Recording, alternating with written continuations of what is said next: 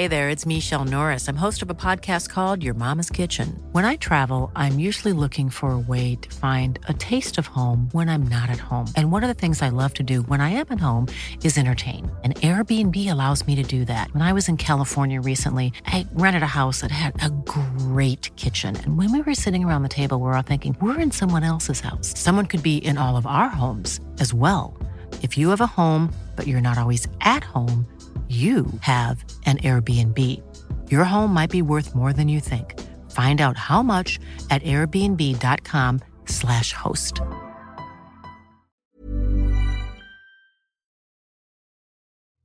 Den där... Den här bruden som du håller på med, eller nyss Prata inte för mycket nu. Det här är en podd. Ja. Kan vi klippa tillbaka? Ja, vi får klippa i början. Nej, den har ingen. Victoria. Avbryt inte. Hej! Stötta gärna oss på Swish. Nummer 123 535 4857. Ni kan också följa oss på Instagram och Facebook under Cyril och Stig. Välkomna till ett nytt avsnitt av podcasten Cyril och Stig i otakt med samtiden. Podcasten produceras av Storyhood. Dagens gäst är Annika Hernroth Rothstein. Annika är politisk rådgivare, pro-israelisk aktivist och journalist. Hon skriver för bland annat The Washington Examiner, The Jerusalem Post, The Tower och Ledarsidorna.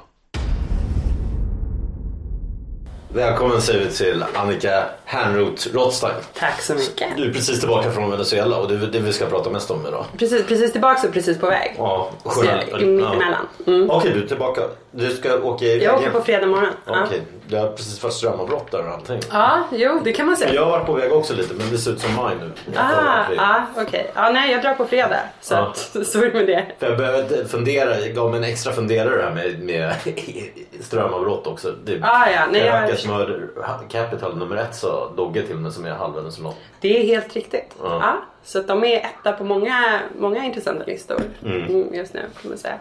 Men din bakgrund då? För, för, för jag kände inte till innan jag såg det att du, du skriver nu för ledarsidorna på, på nätet. Ja, jag skrev för dem. De skickade mig Ja. på de två första resorna. Ja. Så att det började, och du har, jag tror det är ingen i Sverige som känner till mig. Nej, För du har skrivit mest för amerikanska och israeliska som Ja. Jerusalem Post. Precis, jag har skrivit för Jerusalem Post och Wall Street Journal och National Review och Commentary och sådana såna outlets tidigare. Och sen så såg jag vad som Och hände. även Fox News. och även Fox Så man kan News. beskriva dig som eh, konservativ.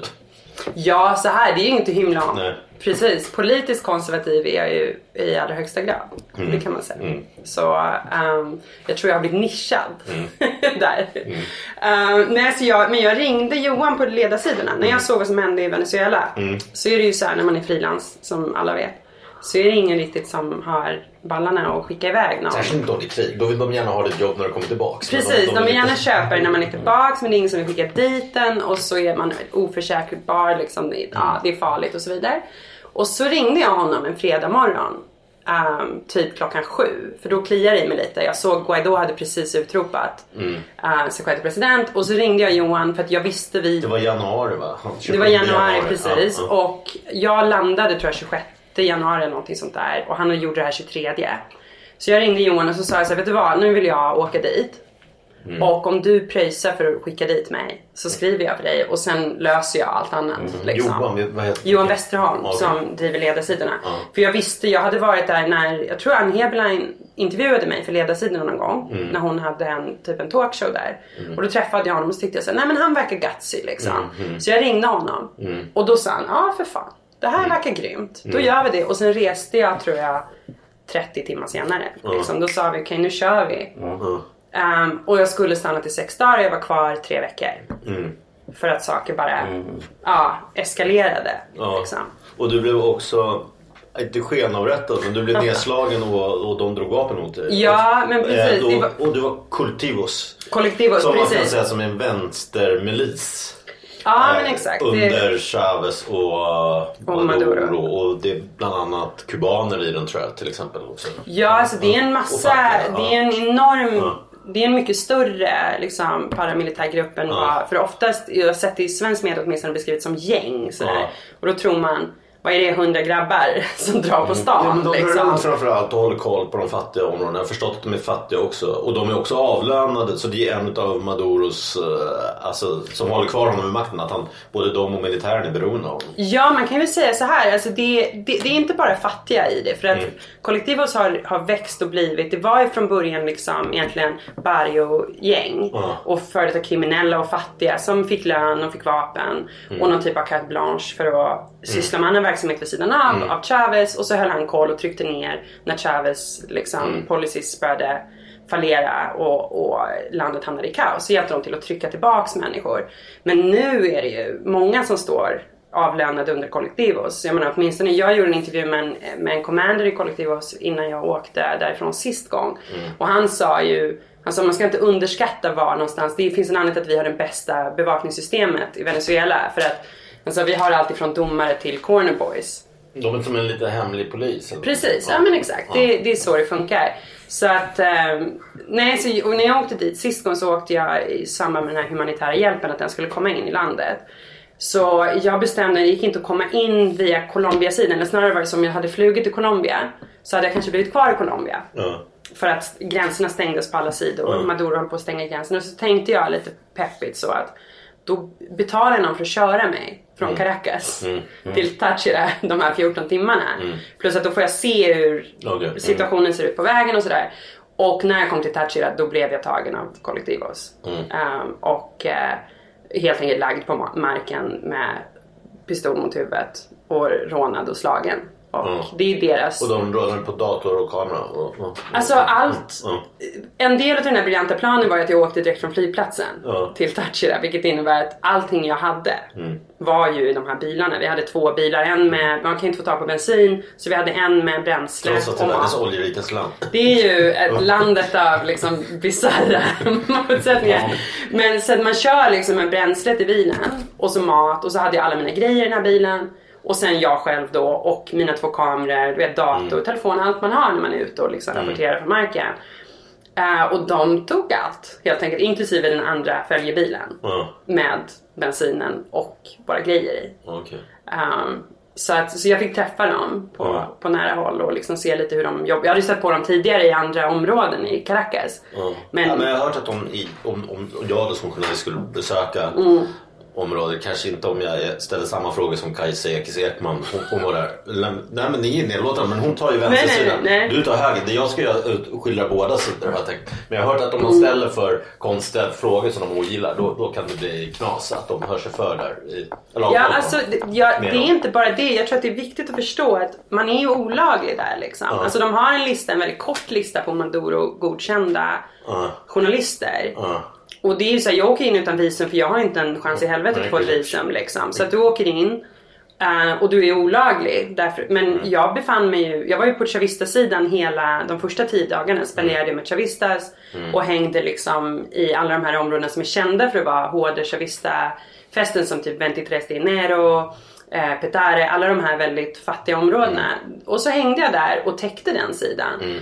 Och sen spenderade jag tid då med Juan Guaidó och, och oppositionen också. Så det är Träffade inte... du Juan Guaido personligen? Ja, jag intervjuade honom um, personligen som hade en one-on-one med honom den andra veckan.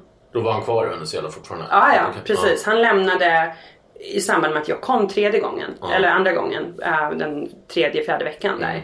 Då åkte han på sin lilla turné där. Men jag satte mig ner med honom och intervjuade honom eh, helt enkelt efter att ha förföljt honom i nationalförsamlingen Okej. i tre dagar. Vad pratade ni om? Vi pratade om då det som antar jag fortfarande är intressant, möjligheten till en utländsk intervention, hur han ställer sig till det, hur han ställer sig till militären, om de eventuellt flippar sida, att använda den inhemska militären för att ta bort Maduro.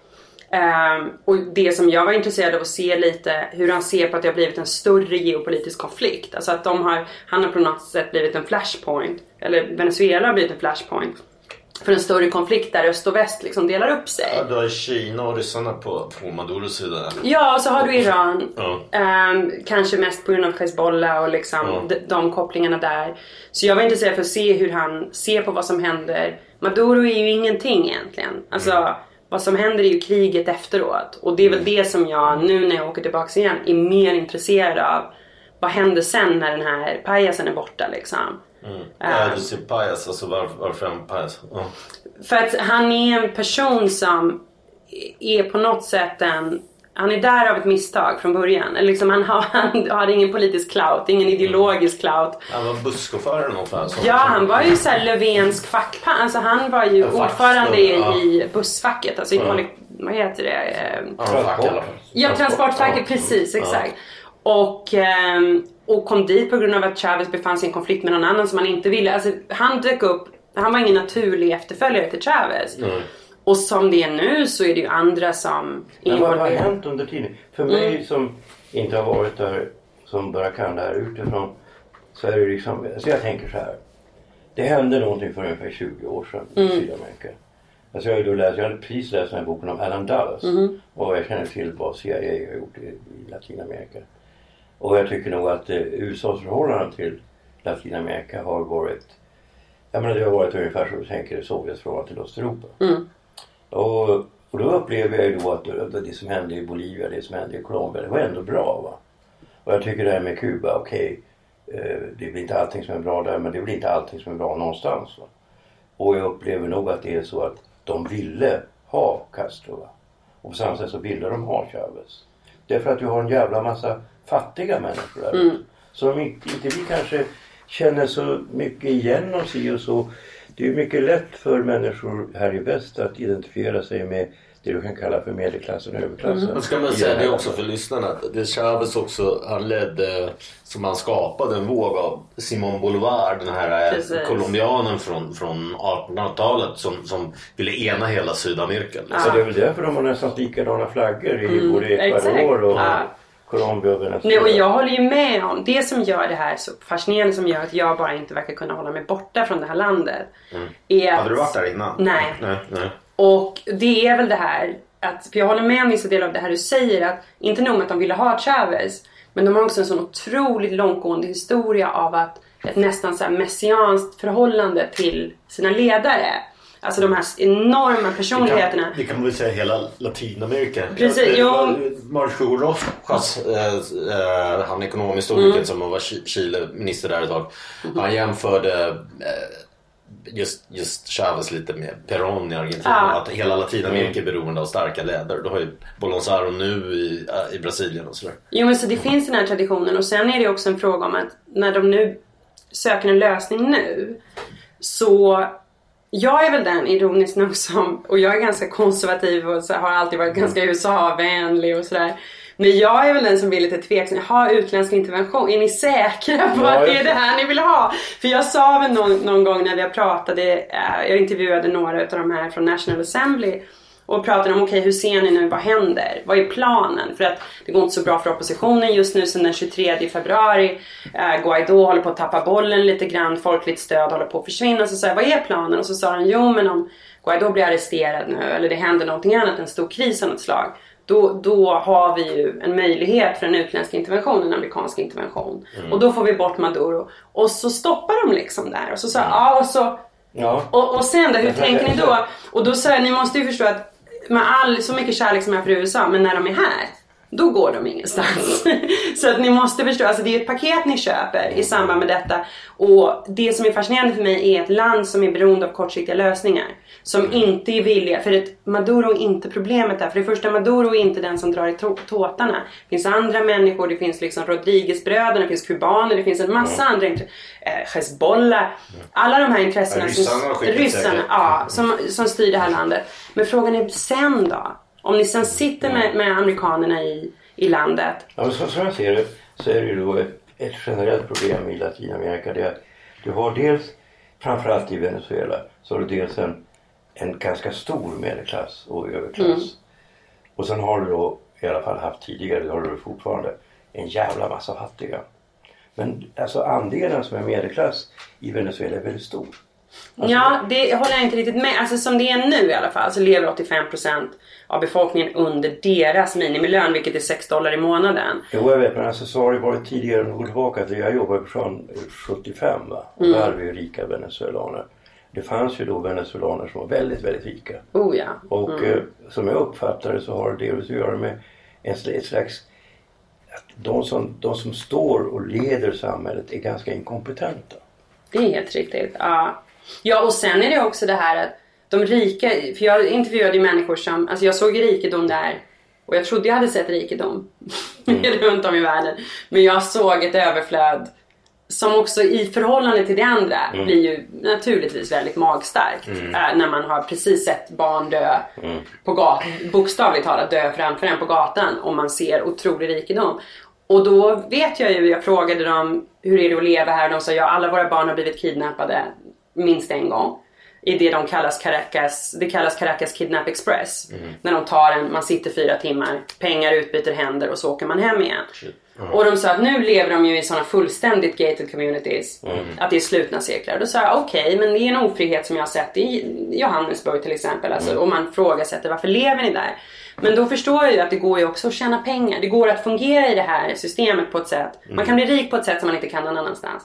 Kan du spelet i Venezuela så har du ju, då, då är det ju golden på något sätt. Om du ställer upp på den här ofriheten och att leva i en gyllene bur. Alltså, jag var ju på väg, precis som du, åka sig inom tre dagar. För, var det den 21 eller 23? 23, Där, när de skulle öppna gränsen vid Colombia. Och då kollade jag med lite folk. Dels Kajsa Ekis som precis hade varit där och hon tyckte jag skulle liksom fokusera på folket och sådär. Och hon är på den vänstra. Hon gjorde ju det själv där för Aftonbladet. Och så pratade jag med min kompis Magnus Linton som som kan mycket om Latinamerika. Eh, men han är ju mest fokuserad i och för sig på Colombia där han har bott. Men han har skrivit den här boken Americanos. Men Magnus delade ju min åsikt att liksom, även om Magnus också är vänster men mer åt det liberala, att båda sidorna är dumma i huvudet.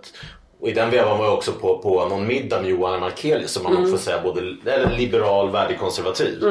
och han sa ju också att man önskar för Venezuelas skull att de hittade något mittemellan. Får du ta på den här Guaido, han är ju utbildad vid något så här universitet i Belgrad som är finansierad av typ så Friedman-gänget och Thatcher-gänget och, Ja. och samma sak i USA. Det känns ju som en marionett de vill ta dit. Och även i det här det är svårt också, det här valet som de som EU också har ogiltigförklarat i och för sig. Ja. Men det, det sägs väl att hö, högens och Guaidos folk de, de bojkottade det De valet. Så man vet ju inte om de finns ju- skulle ha vunnit det valet. Nej, alltså så här, jag håller på nu.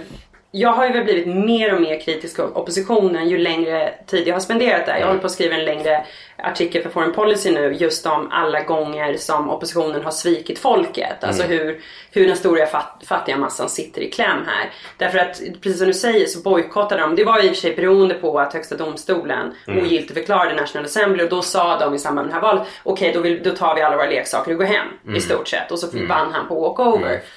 Men det som är problemet, nu är jag försiktig med ordet marionett eftersom jag har ju sett alltså, retoriken där just nu. Och det ser man inte minst som, hur ska jag säga, så här, judisk journalist som befinner sig i Venezuela nu får ju smaka på hela retorik. Liksom, jag kan inte gå in i ett rum utan att någon ropar De har Mossad. såhär Palestina Ja. som målat på. på jo, jo. Alltså, det hade jag ingen aning om. Jo, jo, jo, men det är ju så här, de, det, jag såg ju att det började spridas. Jag som har intervjuat Mossads chef. Efter två veckor där så såg jag att det började komma i arabisk media. Alltså mitt namn, jag fick googla alert på mitt namn och det stod så här, hon har jobbat i Iran. Hon har jobbat i Ryssland, hon har jobbat, nu är hon i Venezuela, liksom Mossad och så vidare. Och det här stöter man ju på för det är en del av Maduros retorik naturligtvis. Marionetter, imperialistiskt övertagande etc. etc. Det jag kan säga om Guaidó däremot är att han är, han är inte inkompetent.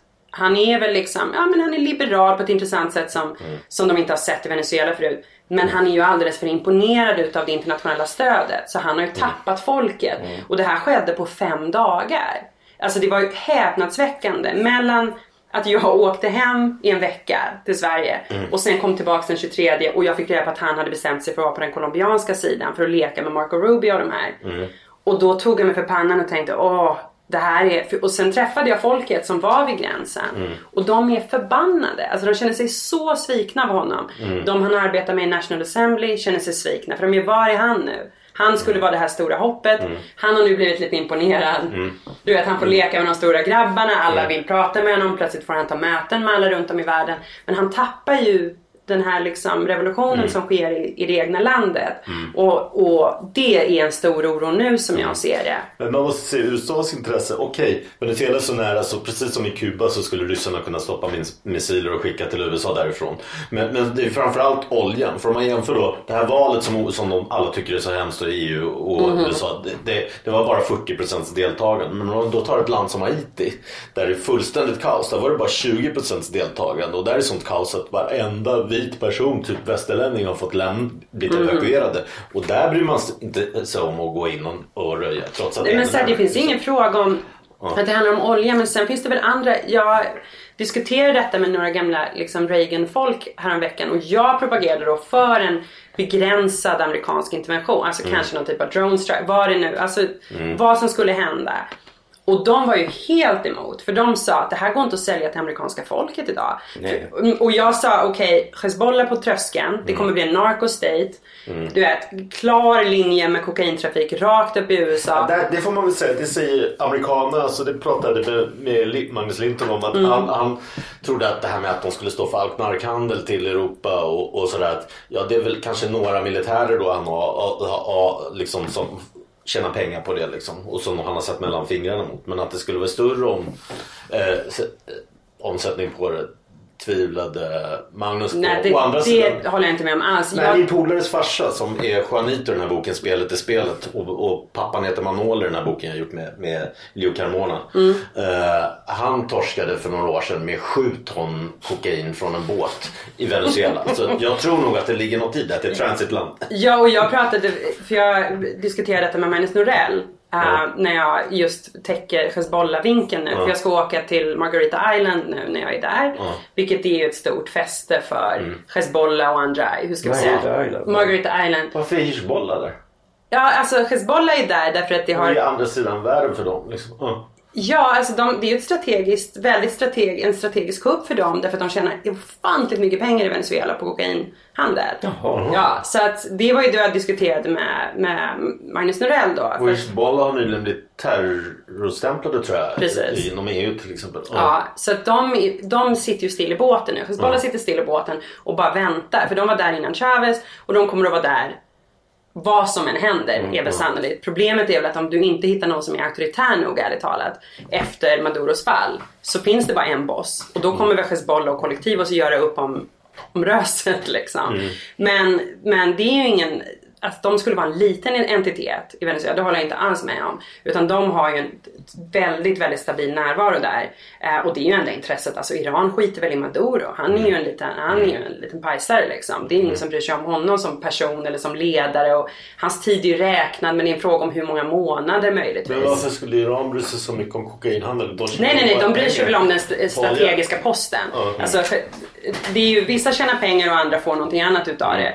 Så att det är väl mer en fråga om att, att vara strategiskt placerad i Venezuela är inte en dålig Mm. idé utifrån Irans. Men de kommer inte att lägga några, jag frågade Magnus till exempel, kommer Iran att lägga något krut om det nu blir en standoff, Mm. alltså en militär standoff, skulle Iran lägga något krut? Och han sa så här, nej nej nej, det finns, inte, det finns noll chans att de skulle göra det. Så mycket är det inte värt för dem och de har inte direkt den kapaciteten nu heller.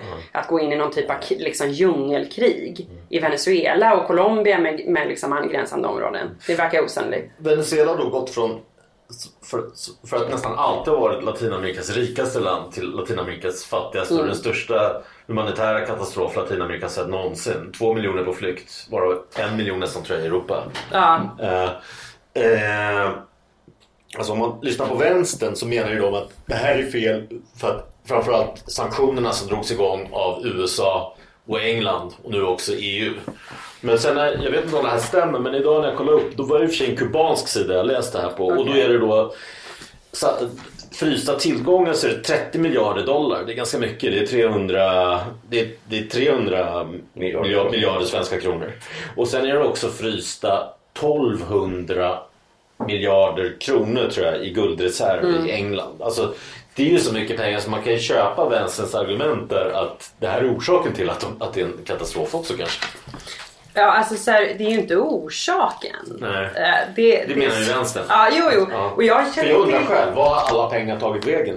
Eh, det, alltså- det, det kan ju inte bara gå till att Ja, avlöna det, finns, det finns ju en historik i Sydamerika där man helt enkelt, när, när, när du sitter, det var ju så med många militär, regimerna, framförallt i Uruguay och så, att de snodde statskassan. Ja. Ja. De drog till Schweiz. Alltså det är militärerna menar du? Som, som, vad- eller vad kan pengarna tagit vägen? Nej men och sen är det ju också så att ekonomin har ju fallerat. Det är ju inte bara en fråga om att det finns ett flöde utav pengar som successivt försvinner ut. Utan det är också så att misslyckandet, en kombination utav att oljeindustrin har havererat, eh, hyperinflation, alla de här sakerna som Chavez policies eh, resulterade i. Det gör ju också att din, dina inkomster har stannat upp. För de, alltså de kunde ju tälja guld tidigare. Hade han upprätthållit detta och haft något sånär sunda ekonomiska policies så hade han ju kommit undan med eller hur jag nu ska uttrycka det på ett diplomatiskt sätt, hade han ju kunnat köra sin socialism. Så kan vi säga.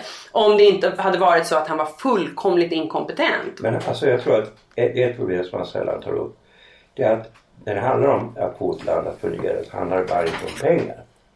Utan du måste ju ha ett land som fungerar. Folk gör saker. Att du har ingenjörer, att du har folk Ja. som kan raffinera oljan. Alltså att du har en, en bra infrastruktur och så här, va. Alltså att länder blir fattiga är ju delvis beroende på att länderna inte har utbildad personal. Eller, Ja, och sen finns det ytterligare en poäng som många, många av lokalbefolkningen sa till mig i ett i ögonblick av liksom att vara väldigt självkritiska. Så sa de liksom, titta runt här. Vi är ett passivt folk.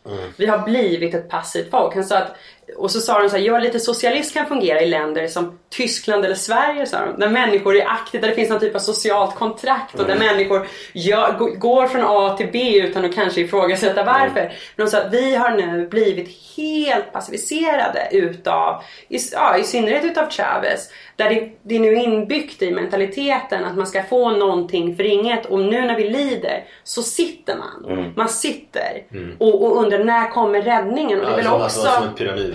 Precis, och det, jag tror att det är också därför de nu tittar till USA och säger så okej, vad är nästa grej som ska komma? När kommer den här nästa Jesus och räddar oss? Är det Guaido? Är det Trump? Vem är det som ska komma och hjälpa oss? Ja, det så tydligen, alltså, de, alltså oljan är inte så mycket värd om du inte kan raffinera den. Och det har, 100%, har ja. de, kan de inte. Och det är Nej. något speciellt med just Venezuelas olja. Hakelius hade läst någonstans, tyckte han sa att, att, att det var någonting att det, Venezuelas olja gick till USA för att sen gå Ja, tillbaka. precis. det var något sagt tokigt. För att den liksom. kräver speciella tekniker för att Så de behövde amerikansk kunskap. Ja. Också. Så att det, det står ju så inte bara så att ena delen stannar, du har ett passivt folk och sen så, så växer ju liksom desperationen och så kommer det ett undersamhälle, eller snarare skulle jag säga två eller tre undersamhällen under detta som växer fram. Att det är ett folk som nu jobbar två, tre vanliga jobb och sen går man till busstationen och så säljer man liksom mandarinas eller kaffe eller man kanske stjäl det man kan. Alltså det är ju en, ett samhälle som har växt upp under som kommer att ta minst en generation. Förutsatt att du, säg att du rensar nu då, att du rensar som folk säger mellan 1500 och 3000 människor i personal som är det allra mest korrumperade skiktet. Då har du ändå en generation av att bygga upp ett samhälle som, som funkar, där man utbildar sig, där man går till jobbet, där det finns liksom vanliga samhällsstrukturer. Jo, men så när, när det gäller alla de här eh, revolutionerna som har varit då i, i Latinamerika. Men jag, jag skulle vilja säga, om du tar Kuba. Så är, det finns som en generation, kanske två generationer, av entusiasm och stolthet. För det går aldrig att bortse ifrån att det finns en stolthet hos människor, hos var och en i ett land. Jag var ju på Haiti 1982. Och det var ju väldigt underligt därför att jag aldrig varit i ett land som varit så fattigt. Jag har varit i Afrika och det här var ju ännu fattigare. Jag var där på sommaren 81, 84. Ja, och alltså det var ju då, fast det var ett litet barn. Ja, precis. ja, min pappa var där ofta. Ja, men alltså det var ju liksom, jag var hos en journalist, han hade jordgolv va. Ja. Men grejen var den, i slummen, det skulle, man skulle göra en film där. Folk skulle inte tro det. Det såg ut som ett cocktailparty. Alla var välklädda, alla män hade kostym. Och kvinnor hade jättefina klänningar. Eh, och alla var glada. Det låter inte klokt. Men det fanns en stolthet över att fan vi fixade 1804 eller 1805. Ja. Alltså fortfarande kvar idag. För det är ändå. Ja, jag ska bara säga för lyssnarna då, då. Haiti är det första landet i världen som gjorde revolt mot, mot eh, sina kolonialherrar. Ja, det det är är den första svarta nationen. Ja, och det är den första och enda lyckade slavupproret. Ja, Ja, men där menar ju då haitierna själva också att de har blivit motarbetade sen dess och kubanerna också. Till exempel fick de betala av till stod de i skuld till Frankrike för, eh, för, för, för slavar på 20 miljoner eh, Mm. typ dollar eller någonting. Som var, som var betalt först liksom så här 1947 eller någonting. Fick de betala av slavar Ja, alltså Haiti var ju paradoxalt nog det rikaste landet i det franska imperiet. Det, växer så jävla mycket där. Ja men de odlade fel också så idag är det inte bördigt för de, som när man i Asien odlar dem i trappor och sådär. Mm. Allt det där i, i gjorde man, så odlade man inte på Haiti så att det blev fel tydligen på något sätt när det regnar och sådär. Så det är förstört, alltså odlingsbart.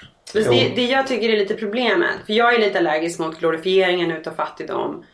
Alltså när man kommer in från ett västerländskt perspektiv. Jag, den tid jag spenderade på, på Kuba, jag blev ju väldigt illa berörd av den amerikanska turismen till exempel. Och än en gång, ironin liksom, som konservativ. Men jag, jag kommer dit och så kände jag att det här är inte Disneyland. Liksom. Men det behandlas ofta och när man kommer så, åh ni är så glada. Men det finns, det naturligtvis är det också ett spel för gallerierna. Därför att det är en värld där som vi aldrig får tillgång till. Och det är deras värld. Och hur mycket jag än gräver, alltså hur mycket tid jag än kommer att spendera i Venezuela så kommer jag aldrig ner där. Därför att jag har ett skyddande skikt som ligger mellan mig och den här befolkningen. Jag tror att det är väldigt viktigt att någonstans förstå det när man reser.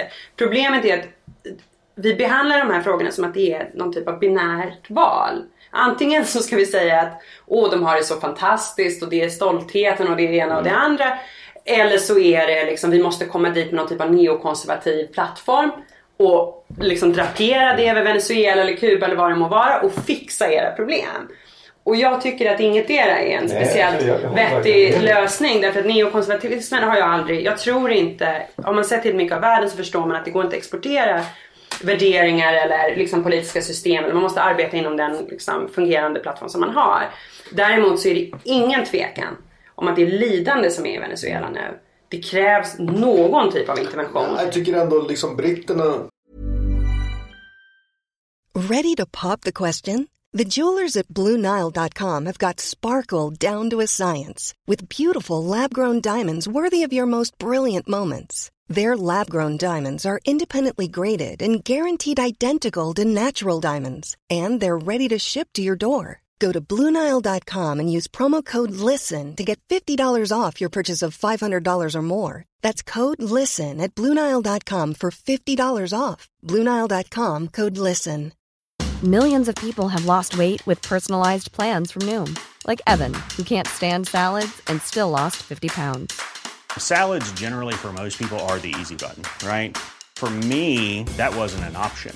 I never really was a salad guy. That's just not who I am. But Noom worked for me. Get your personalized plan today at Noom.com.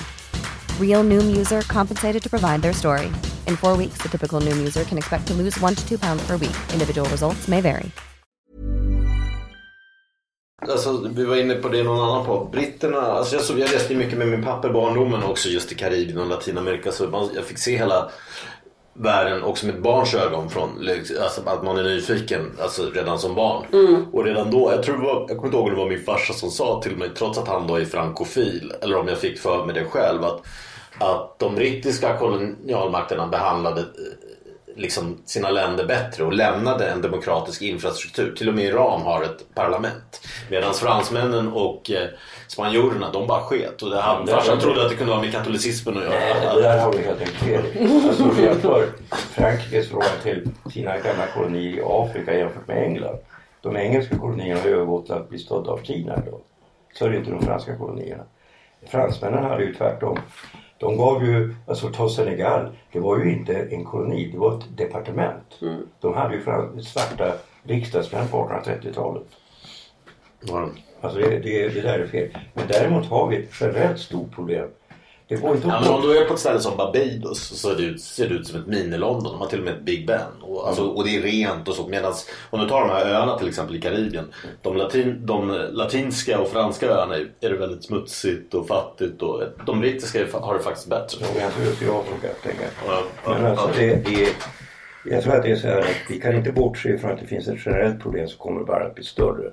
Därför att vad ska man göra med alla människor som helt enkelt lever och som inte är tillräckligt högutbildade som kan producera den här. Eh, alltså då tänker jag på Kina. Jag såg ett på tv i, på Aktuellt eller vad det var. Eh, Panama. De har ju tagit in kineser nu. Och kineserna är ju på något sätt mer fram. De, de är inte snälla sådär va. Men de är ju mer framgångsrika i att få saker och ting gjorda i de Jo här tack. Ja. Jo, jo. Fast det, jag vet inte liksom. Det, känns, det är nästan ovant för mig att sitta liksom och försvara du vet, in, den inhemska, så här, inte, icke-interventionistiska Mm. lösningen. Men jag känner väl jag oroar mig för, i synnerhet i Venezuelas fall, att det ska vara ett folkets revolution som, som står utan folk. Mm. Och det är väl det jag, dit jag har sett det gå. Åtminstone de säger nu vänder saker på en femöring och i och med den här enorma katastrofen som um, blackouten har inneburit. Eh, så finns... Blackouten, vad tror Vänta bara, förlåt mm. att jag avbryter. Vad tror du om blackouten? För att, eh, där menar jag, när jag läser eh, deras press Venezuelas, Mhm. de menar ju att det är USA som håller på med ett cyberkrig. Jo, det är ju Medan jag trodde att det var de Mm. som hade klantat sig. Alltså, Ja, alltså så här, det är ju 20 Den var år. från i torsdags till söndags. Det- Å andra sidan läste jag om den amerikansk media också redan i torsdags fredags. I Sverige togs den upp först i söndags. Precis, alltså det har varit Nu pratade jag med folk precis innan jag kom hit till Caracas som sa att nu är elen på nu, och nu, nu liksom flickrar det inte lika Men inte i mycket. övriga delar av In, nej, nej, men i Caracas Mm. så är den på. Uh, för, vad gäller sjukhus och Ja. hotell åtminstone och, och bättre 20 stycken med privatbostäder. har dött på grund av eh, Ja, och det är vad vi vet, vilket ja. innebär att du har ett mörkertal på många hundra procent skulle jag Ja. gissa. Men alltså så här, det är ju missmanagement naturligtvis. Alltså det är väl det det är. Och idén om att CIA går runt. Nu säger jag inte så här att Mm. liksom, CIA inte har gjort saker i Sydamerika tidigare. Mm. För att ingen av oss är idioter. Så att det är ingen fråga om det. Men om du har varit i Venezuela Mm. och ser om du har varit i metron i Venezuela Mm. och ser hur den ser ut så förstår du att här är det saker som ingen har gjort någonting vid Mm. på åtminstone 15-16 år. Mm. Så det är ju inte direkt överraskande att, att det kollapsar. Eh, och sen att det saknas generatorer etc. etc. Alltså, jag Men, kommer ihåg Indien var förut. Nu har Indien blivit modernt. Men jag var där Mm. första gången för 20 år sedan. Hela tiden det ett strömavbrott. ja, och de har i Sydafrika har de rolling blackouts hela tiden för att kunna klara av Kan även hända i New York. Jag bodde där i fem år. Ja, jo men så det är ju inte liksom unheard of. Grejen här, att det händer nu då, eh, är ju potentiellt, alltså det är en krutdurk naturligtvis. För jag menar när jag pratade med mina vänner i Caracas nu så sa han så här, min journalistkollega till exempel sa så här, ja, ge det här 48 timmar till och så har du riots över he- det kommer vara upplopp över hela konstigt, Caracas. in- plundringar och så? För det kommer Oh, jo gud, det var plundringar, det Ja, var mord. Och han sa ju så att desperationen för han sa bara mig och han räknar sig själv till medelklass och han har i stort sett ingenting. Men alltså jag köpte kött för 100 dollar. Och det var en enorm investering. Han köpte kött. Ja, ja. För dig, vi- det måste jag tänka på på min budget. Jag trodde det var billigt med mat. Eller, Jo, jo, men alltså han investerar i Ja. att köpa. Alltså det är, han Ja. fyller en frys Ja. och det kostar 100. Alltså att få tag på kött Mm. är ju svårt om du inte bor på ett hotell. Om du Men inte... för dig när du var där, hur Ja. mycket gjorde du av på, per mat per dag? Hur mycket, alltså du kan göra av med så lite du vill i förhållande till hur mycket din mage tål. Så det skulle jag säga, om du kan gå till en food truck i Caracas, nu är jag lite mer petig med vad jag äter och inte äter för att jag har vissa så här Ja, men jag är också mat. judisk, jag äter inte griskött. Nej, du äter jag inte griskött. korset som du... Nej, men- du nej. äter bara korset. Ja, så att jag äter inte kött och sådär då ute liksom. Men jag äter ju bönor och ris vilket är ju en staple så, Ja. så länge man äter bönor och ris. Men så här om du äter på stan liksom själv, så vad kostar det? Fem spänn? Liksom. Ja, Alltså du vet. Jag trodde jag, började svettas att det skulle gå på tusen spänn Nej, nej, nej, men förhållandet är väl så här, om du äter på stan så kommer du att få äta väldigt mycket i modium. Mm. Hela dagen och alla dagar. Så Ja, är det. okej. För att vattnet är ju... Så här, jag kunde inte tvätta ansiktet i vattnet.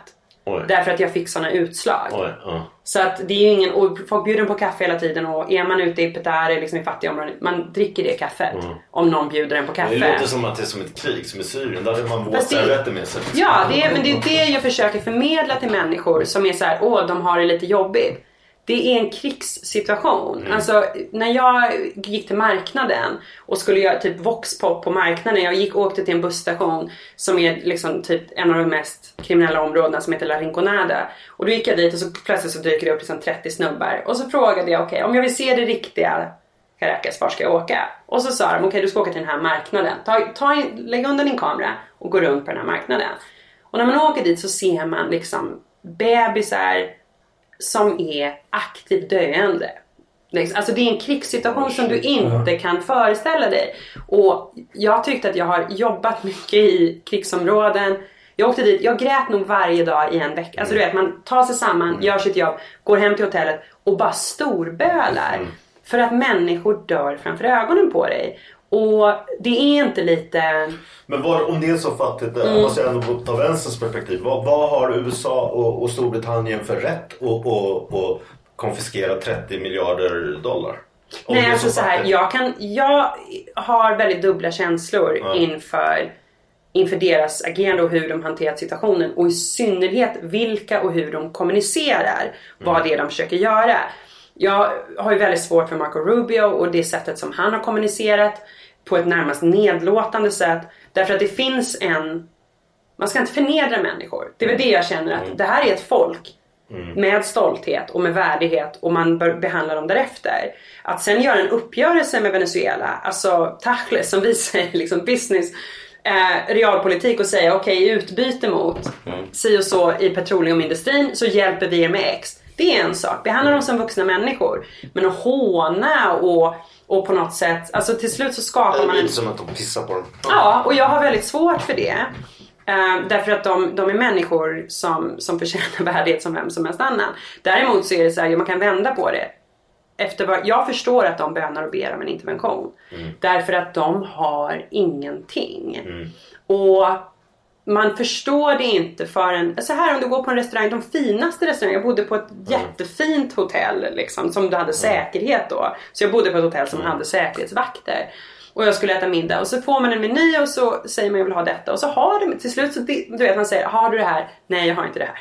Ja, har, och till slut så, slut, så slutar det med att man säger vad finns det idag? Ja, tomater. Okej. Nej men du vet alltså. Så var det på Kuba. Och det är det rikaste du, förstår du? Då är jag inne på liksom den finaste av restauranger och sen när du åker 15 minuter bort då ser du du kan inte gå två meter utan att se små barn sitta och äta ur, i en soptunna. Vuxna män sitta och äta ur en soptunna. Och då menar jag rutten mat, bitar av lök. Ehm, du har sjukhus där barn dör. ehm, inte bara av behandlingsbara sjukdomar utan av infektion. Därför att det är rena, alltså det är en katastrof som är det värsta jag har sett i mitt liv. Och det som jag har lite svårt för är när man sitter liksom, när jag ser debattörer sitta på Söder och ha någon typ av ideologiskt liksom, pluttenuttsamtal om vad som är en aktiv jävla kris. Man, jag tycker också man kan förstå Maduro att han, han, menar, han vill inte släppa in de här transporterna med hjälpsändningar för han menar att, att det är ett sätt att, att, för imperialistmakten att gå in och, och, och ta över Venezuela. Och så gjorde ju Putin å andra sidan med just Ukraina till exempel. Liksom. Så det kan ju Fast å vara så. andra sidan så, alltså, Dels så har han ju också sagt att maten är förgiftad. Alltså han har ju kört alla de här klassiska diktatorgrejerna. Att imperialisterna försöker förgifta maten. Nu är det ju så att de har inte, inte nog med att de inte har antibiotika, de, de har liksom inte, de har inte Ipren. Alltså såhär kollektivos, jag hade tre pack Ipren. De lämnade andra grejer men Iprenen tog de, så kan vi ju säga. Liksom. Alltså de har ingenting. Hade han varit det minsta smart och taktisk så hade han ju givit någon typ av lillfinger Maduro. Det vill säga han hade släppt in det här och sagt absolut, jag är ju absolut inte en person som skulle förneka döende barn antibiotika. För att någonstans så är det mm, det handlar om en akut situation. Och att stå där och prata om imperialistmakter när bebisar dör på gatan. Det tycker jag är väldigt magstarkt. Ja, ja det är sant. Det är liksom- de- de- det- Men däremot tror jag att han, kommer, han, han sitter tryggt ändå eftersom han avlönar, han har, all, han, av, han har militärer som ministrar på hög nivå. Han avlönar då militärer som smugglar knark, han, eh, de här ministrarna som är militärer och de här kultivos och alla kubaner som är där. Alla de här står på hans pay- payroll så, så varför, då sitter han ju tryggt. Nej. Alltså så här, svaret på det från mitt perspektiv är nej. Eh, dels så är det så att alla är alla är antingen liksom on the make eller on the take i det landet. Vilket innebär att det finns inga absoluta lojaliteter. Det finns en anledning till att han omger sig att hans säkerhetsstab är kubaner och inte från Venezuela. Därför att den mannen liksom har varit, väntat på en kniv i ryggen under många år. Så att det, det är... Det är som när jag var i Mellanöstern i Bahrain. Då var det liksom säkerhetsfolket pakistanier. De Ja. vågade ta sina inhemska. Nej, nej, nej. Det, och, och sen är det ju så här att visst, toppskiktet. Mm. De har, antingen är de i liksom en beroendesituation för att man har någonting på dem eller för att de tjänar så pass mycket pengar. Men det är ett toppskikt. Liksom den stora delen utav militären, den är vändbar och det är därför Guaidó håller på att förhandla med dem om, Okej. om liksom ja, ett och avtal. En flygvapenofficer hoppade av där i början. Ja, och vi- Men är det fler som hoppar? Ja, nu är de uppe i, jag tror att allt som allt 121 personer Oj. äh, har liksom defekt eller vad man nu ska kalla det. status. Ja, ja, men så det är 121 personer som har hoppat. Eh, men den stora massan väntas ju komma om det finns ett officiellt avtal om, avtal om amnesti för att det har gjorts mycket. De är också skyldiga till både det ena och det andra och det är politiska fångar som kräver att de ska, du ska genomgå någon typ av rättegång och så vidare. Och därför så, så väntar man på att göra ett större avtal för dem. Kollektivos, jag menar jag intervjuade en utav de två stora kollektivobossarna i Venezuela. Och han sa till mig liksom i not so uncertain terms när jag frågade, för de är ju chavistas. De är inte Maduro-trogna. De är ju trogna revolutionen. Vilket är två väldigt skilda saker för Okej, så de...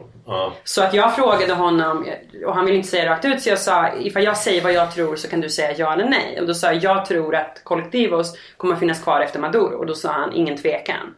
Och då sa jag För om... de är ju alltid beroende av pengarna så de kommer att eh, hålla sig fast med näbbar och klor. Ja och sen är det ju också så här att de tycker att han har spottat på revolutionen.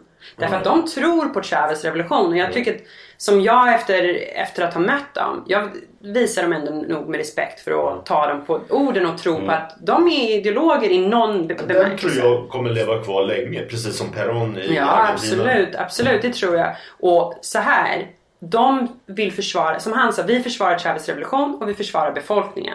Och han sa att vem vi än anser är ett hot mot den befolkningen. Det är den personen eller den entiteten som vi krigar mot. Och jag läste det som att Maduro ska inte uppfatta... Så här, han sa att det finns 20 000 plus kollektivos i Venezuela just nu. Och det är en makt att räkna med med tanke på hur hårt beväpnade de är. Och om de ställer sig upp mot Maduro då, är han, då är han borta nästa dag. Men frågan är vem kommer då istället? Ja, alltså, precis. Det, alltså man tänker så, vi tänker nu nästan veckovis framåt. Man måste ju tänka årsvis framåt. Ja, Och där har vi då problemet. Som jag ser det, så de har en jävla massa olja. De måste ju lära sig raffinera det där själv. Ja, alltså så här. Det som jag, det sannolika är väl eh, tyvärr, eller beroende på hur man ser det. USA har ju en plan. USA med Bolton har en plan på att ta in ett team och det har jag från säkra källor. Att de har ett team redo att gå in och agera liksom interimsledarskap tillsammans med Guaidó. Och de säger tillsammans med Guaidó. Men frågan är hur, hur mycket inflytande, faktiskt inflytande han skulle ha oavsett vad Och han ta tror. sådana företag och sådana Blackwater och sådana och fixa Ja, alltså det handlar om oljan. Alltså en, jag, jag har så här, jag har fått namn och åtminstone två av de namnen är ju inte politiker. Nej. Utan de är ju oljegubbar liksom. Eh, och att gå in och att det utbyte med att ta ut Maduro. Bygga upp petroleumindustrin igen. Och att det skulle liksom, det är väl det mest sannolika. Det de behövde var en trigger. Och anledningen till att Guaidó lämnade landet var för att oppositionen idiotiskt nog var 100% säkra på att han skulle bli arresterad. Ja. Därför att han hade utreseförbud. Så de väntade att han skulle bli arresterad. Han blir arresterad och då kan detta hända som Bolton. Bolton sa ju att om någon liksom kröker ett hår på Guaidós huvud.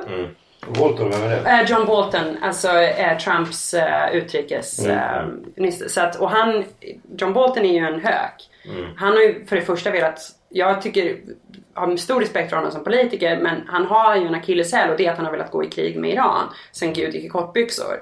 Och han kan inte göra det direkt. Så han gör det via, kan han göra det via proxy så gör han det via proxy. Okej, liksom. okej. Så att han pushar ju för ett för en liksom, Nej, jag för fattar en inte in- det där med att de ska gå i krig mot Iran, det måste jag säga.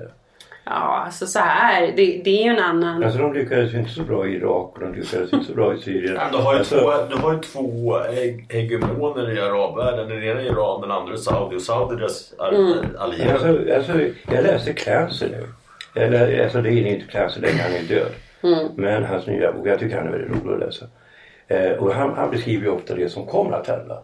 Det, det, folk misstänkte ibland att det var CIA som skrev böckerna. För det fanns ingen bild på honom. För han skrev då om Clinton-affären innan den hände.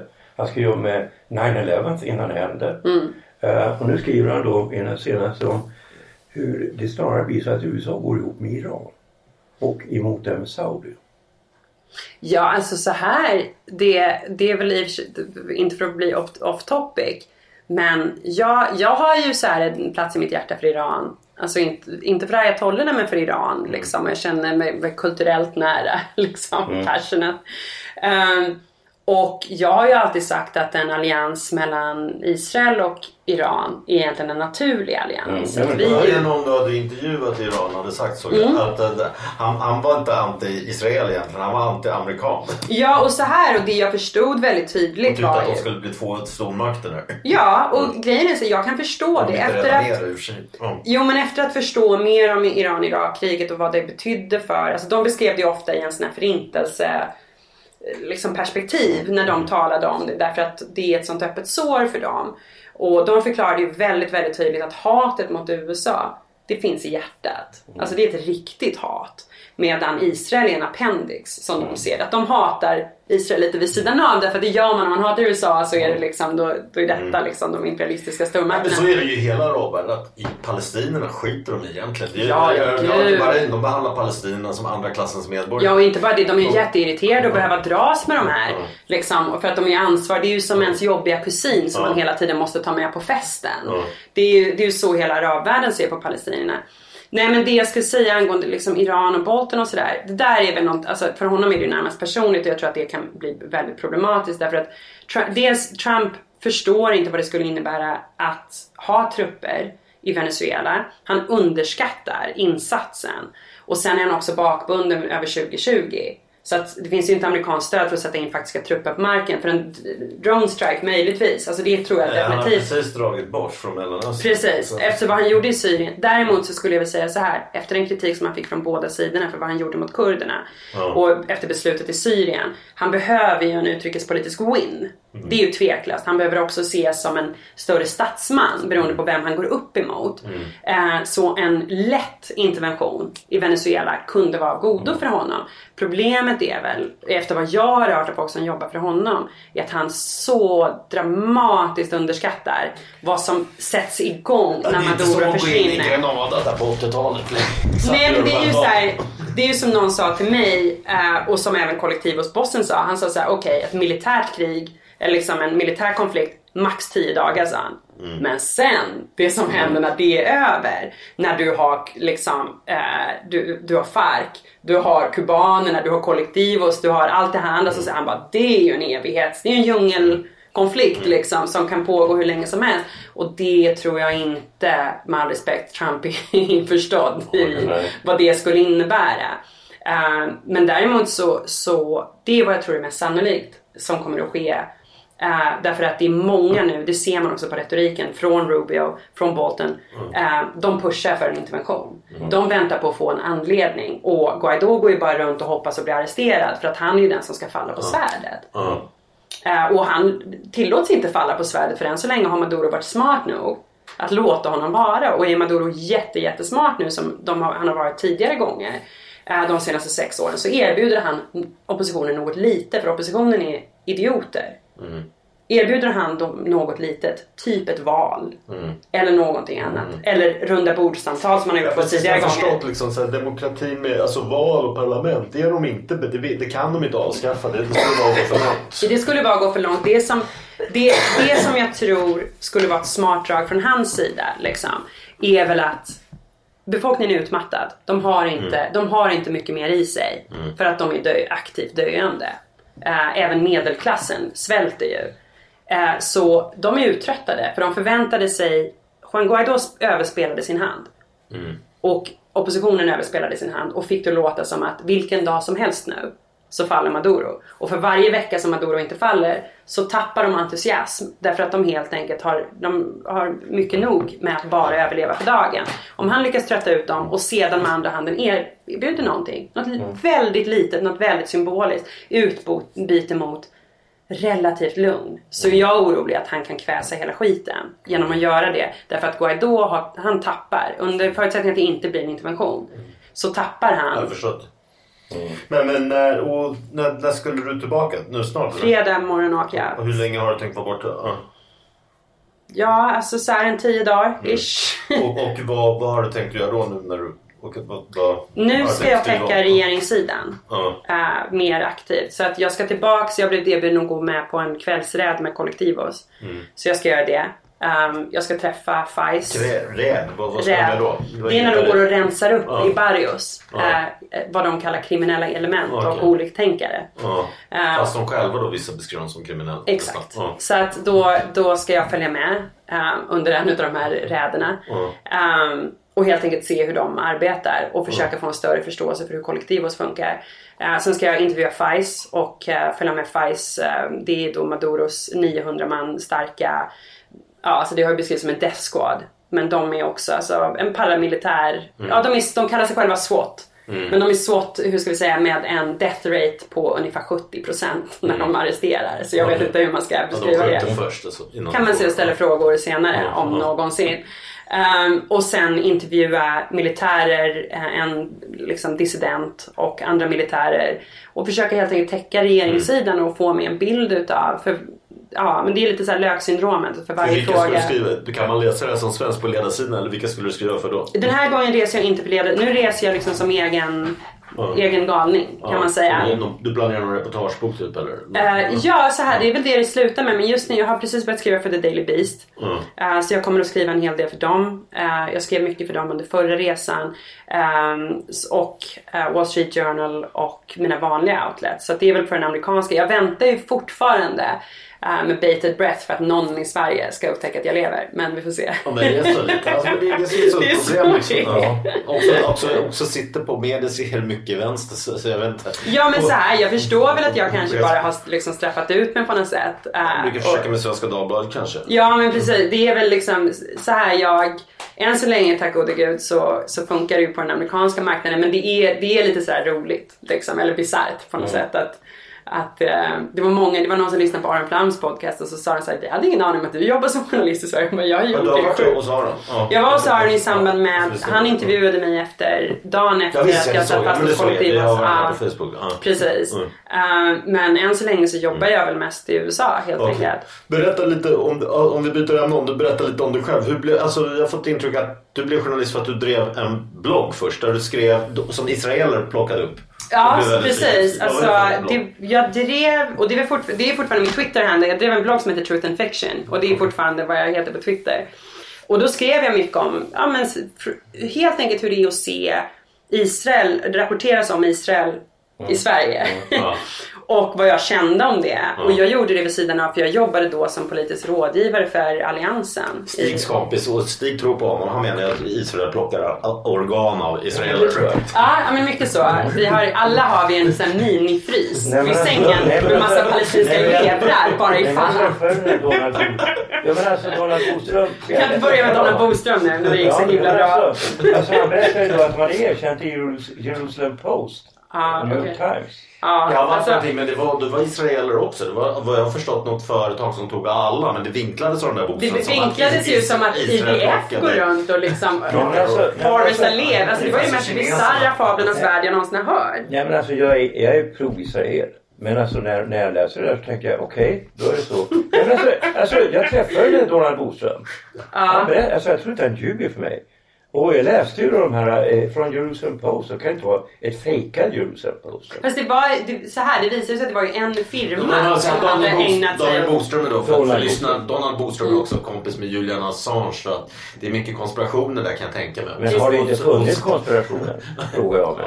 Ja, alltså så här, jag, jag känner så här att, att, att jag ska dyka ner i Donald Boströms, liksom, jag vet inte, um, intellektuella värld. Det, det Nej, känns det, lite det, men jag måste magstarkt. Men, protestera när, när du håller på med för för att det, det tror jag har blivit debunked flera gånger om, så kan vi säga. Um, men jo, men jag drev, jag drev en blogg och så, sen så jobbade jag för Alliansen som politisk rådgivare en kort, ett kort tag. Så det visade sig att jag hade alldeles för mycket åsikter och var alldeles för, tror jag, jag var alldeles för konservativ för en svensk konservativ linje. Men vad är konservativ med Israel? Alltså, är du för en tvåstatslösning eller emot? Om man säger. Ja, alltså naturligtvis, jag är för en palestinsk stat. Jag, jag, Ja, alltså det, upp, det uppfattar jag som när jag var i Israel senast. Och, och att de flesta unga upp till min ålder, liksom, upp till 40-årsåldern, Ja. är ändå för en tvåstatslösning. Jo men så här, det finns ju de av oss, det finns de av oss som Bernhard tror att det finns intervjuade en... jag nyligen för Judisk krönika. Han var ju också helt för en tvåstatslösning. Det, så här, det finns de som tror att man har liksom en partner i detta Ja. hos, i Abu Mazen och gänget. Och sen finns det de av oss jag inkluderat, som tror att det ligger i palestiniernas intresse att inte få en stat. Och att de aktivt motarbetar det. Ja, Eller så här att det ligger i Abu skrev Mazens- 2003 Ja. hade de verkligen chans. Precis. Och då sa de nej till det avtalet. De har sagt nej otaliga gånger. Alltså jag tror vi är uppe i åtta gånger nu när de har tackat nej till... De har ju, de har ju erbjudit betydligt mer land än vad, de, vad som nu ligger på bordet. Så kan vi säga. Och vad jag ser är att de har ett politiskt ledarskap som inte tjänar dem överhuvudtaget. För det de tjänar på är att på något sätt ha ett PR-maskineri och en, en liksom eh, offermentalitet blandat med terrorism eh, gentemot det israeliska folket. Så de använder på EU-pengar. Precis, terrorstämplade England. Mm. Så att det, det jag önskar mer än någonting annat eftersom jag ehm, har vän, alltså alla mina vänner är ju i IDF, och åtminstone i reservtrupper. Och en god vän till mig, ehm, Vad är IDF? alltså i Israeli Defense Forces, Defense i israeliska armén. Ja, jag har en tröja från dem. Ehm, så, ja, ja, så det är... Och, eh, och Arien, en vän till mig, blev, blev mördad för några månader sedan av en, av en palestinsk terrorist. Så att det ligger ju väldigt nära Mm. eh, ens verklighet att det här Mm. händer. Så det är klart att man bara vill ha fred. Liksom. Mm, mm. Och jag vill heller inte, eftersom jag bryr mig om Israel, så vill inte jag att så mycket pengar och så mycket blod läggs på krigsföring. Utan att man ska kunna bygga, fortsätta Mm, bygga mm. sitt land och att de ska kunna bygga sitt land. Och sen, ärligt talat, så skulle det gynna mig om de om man ställer krav på en framtida palestinsk stat så att de måste leva upp till alla andra saker som en helt vanlig stat måste göra istället för att vara någon typ av kringflytande entitet som kan göra lite som de vill och använda terror som ett förhandlingsvapen. Så att det är väl var det långa svaret på vad jag står i liksom israelisk politik. Men efter att, mm, vilket val det nu var, alliansen förlorade eh, här för två val sedan så sadlade jag om, då hade jag redan börjat skriva. Mm. Och så märkte jag att jag skrev en del, alltså det gick bra för mig på den amerikanska marknaden. Jag spenderade också lite tid vid en amerikansk think tank, som heter Tikva som ligger i, eh, i New York. Som är en konservativ think tank. Och, eh, och då var jag så här, ja, men det här är vad jag menar att jag ska göra så nu testar jag ett år och funkar det. Eftersom jag tror på liksom, du vet, fria marknaden. Antingen så tjänar jag pengar på det här eller så tjänar jag inte pengar på det här. och så låter jag marknaden avgöra om jag har någon typ av talang eller inte. Och, och med Guds hjälp så, så nu är jag inne liksom på mitt sjunde år av det, åttonde år av det. Eh, och har precis skrivit en bok om den judiska diasporan så det är det jag har ägnat de senaste två åren och som kommer ut på ett amerikanskt förlag här i höst. Så jag håller på att göra, ja, men som alla frilansare gör. Man gör lite ditten och Man går där datten. pengarna finns. Eller hur? Man gör lite det och så reser man till Venezuela eller så försöker man skriva en bok och så ibland så kommer historien till en. Jag trodde aldrig jag skulle fastna för Venezuela på det här sättet. Någonsin. Men nu har det blivit någon sån här blandning utav jobb och besatthet. Där jag måste liksom se vad som händer. Mm. Alltså jag känner mig personligen engagerad i det. Ehm, och det vet jag inte om det är bra eller dåligt men här är vi. och nu åker jag tillbaks igen. Ehm, och det, det är goda läxor i gråskalor. Venezuela har varit en väldigt nyttig läxa i att, ja, som jag skrev en gång häromdagen, att Venezuela har många färger men ingen av dem är svart eller vit. Att jag lär mig se saker från otroligt många politiska perspektiv. Och för mig som har varit ganska politiskt nischad tidigare så är det en både obehaglig och underbar upplevelse. för jag kan se båda sidors poänger beroende på var jag befinner mig den dagen. Och, eh, och det är en intressant resa att göra. Liksom. Det trodde jag att mina 20, liksom, att man i 20-årsåldern gjorde.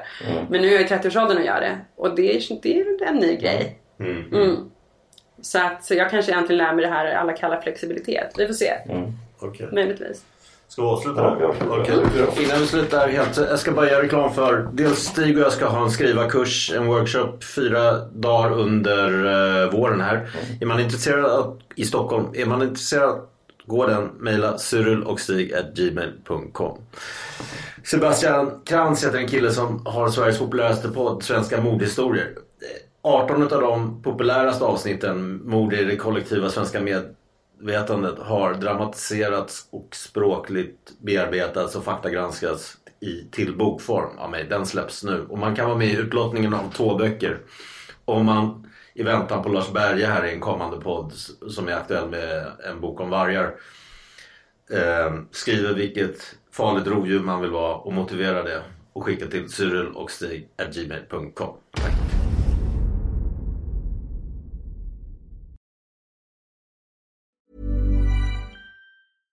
Even when we're on a budget, we still deserve nice things. Quince is a place to scoop up stunning high-end goods for 50 to 80% less than similar brands. They have buttery soft cashmere sweaters starting at $50, luxurious Italian leather bags, and so much more. Plus, Quince only works with factories that use safe, ethical, and responsible manufacturing. Get the high-end goods you'll love without the high price tag with Quince. Go to quince.com/style for free shipping and 365-day returns. Hey, it's Paige DeSorbo from Giggly Squad. High quality fashion without the price tag. Say hello to Quince. I'm snagging high-end essentials like cozy cashmere sweaters, sleek leather jackets, fine jewelry, and so much more. With Quince being 50 to 80% less than similar brands. And they partner with factories that prioritize safe, ethical, and responsible manufacturing. I love that. Luxury quality within reach. Go to quince.com slash style to get free shipping and 365 day returns on your next order. Quince.com slash style.